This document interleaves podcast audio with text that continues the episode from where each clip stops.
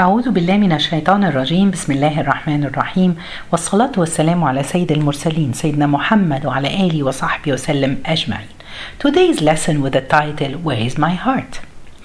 Today's story I will start maybe we have heard the story a lot of time before Today's story we want to talk about Urwa ibn Zubayr He's the nephew of Aisha peace be upon her One time he had he got sick and they had to amputate his leg.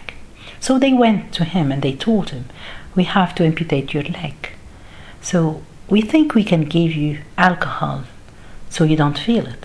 He said no he refused. I cannot do something haram.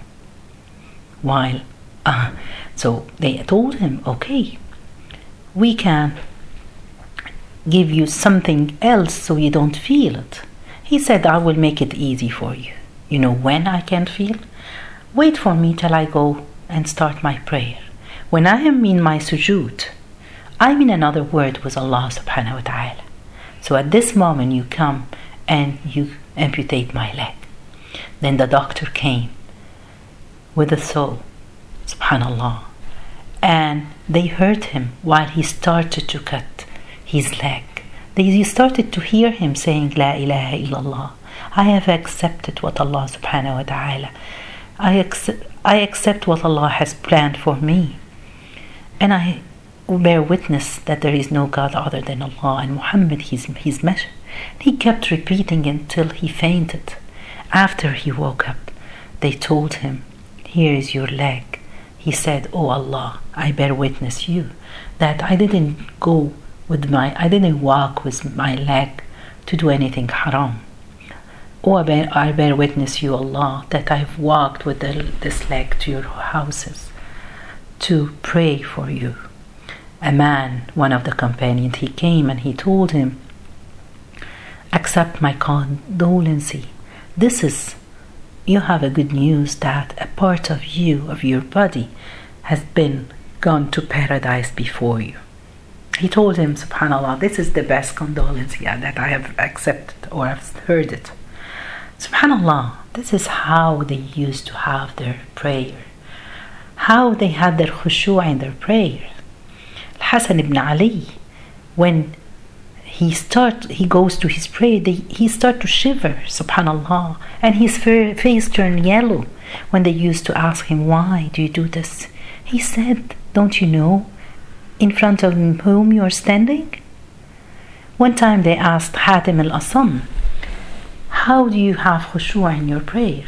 He said, When I start and say Allahu Akbar, I feel that I'm standing in front of the Kaaba and the Sirat is under my feet and Jannah paradise is on my left hand, right hand, and the hellfire is on my left hand.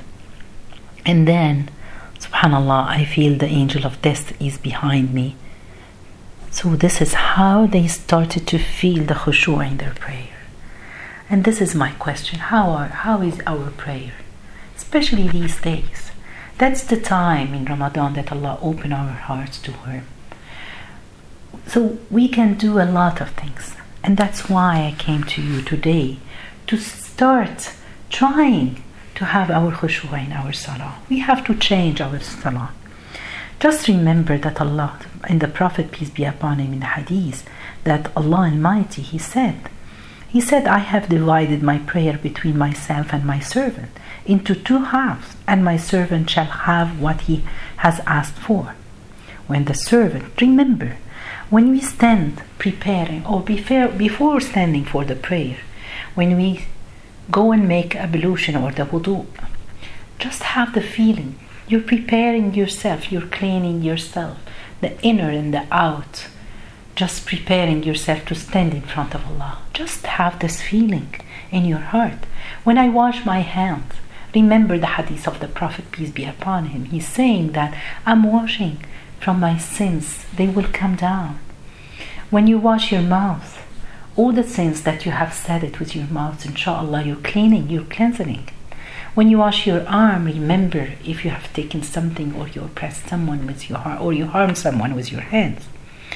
Let's have those feelings before. Prepare your heart with all these things. And when you stand and starting your prayer, we say Allahu Akbar. Say it loud.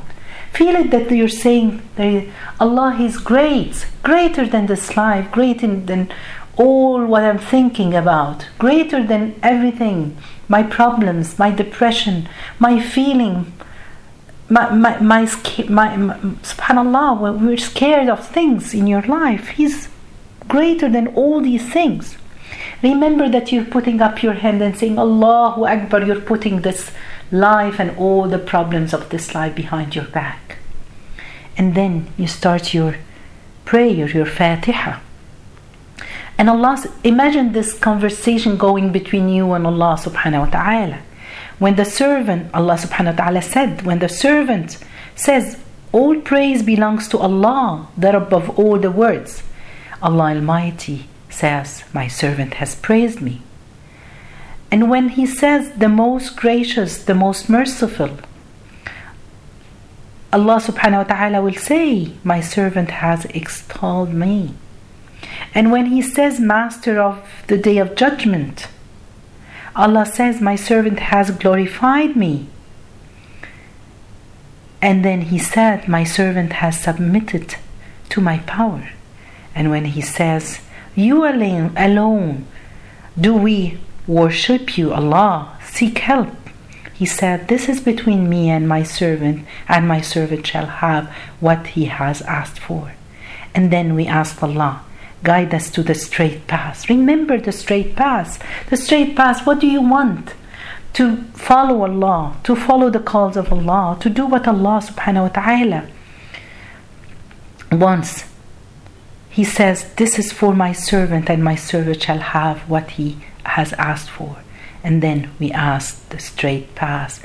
And then, subhanAllah, we ask Allah subhanahu wa ta'ala that we want to follow or to do like the people who did the right, the righteous people. Remember in every rak'ah. In the first rak'ah, remember Abu Bakr. In the second rak'ah, remember Umar.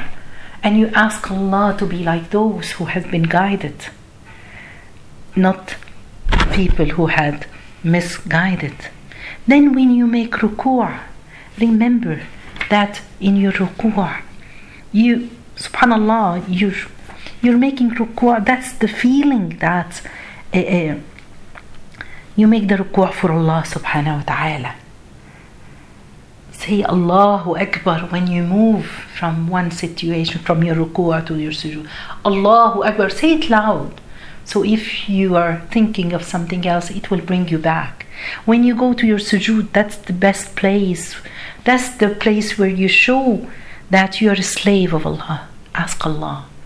Make dua to Allah subhanahu wa ta'ala. Prepare your dua before you go to your prayers. Remember the Prophet, peace be upon him, when he told us that in your ruku', when you start your prayer, your sin are all, all are above your uh, uh, above your head. When you make ruku', they fall down. When you make sujood, so please put your head down. Ask Allah subhanahu wa ta'ala. May Allah subhanahu wa ta'ala accept all our prayer.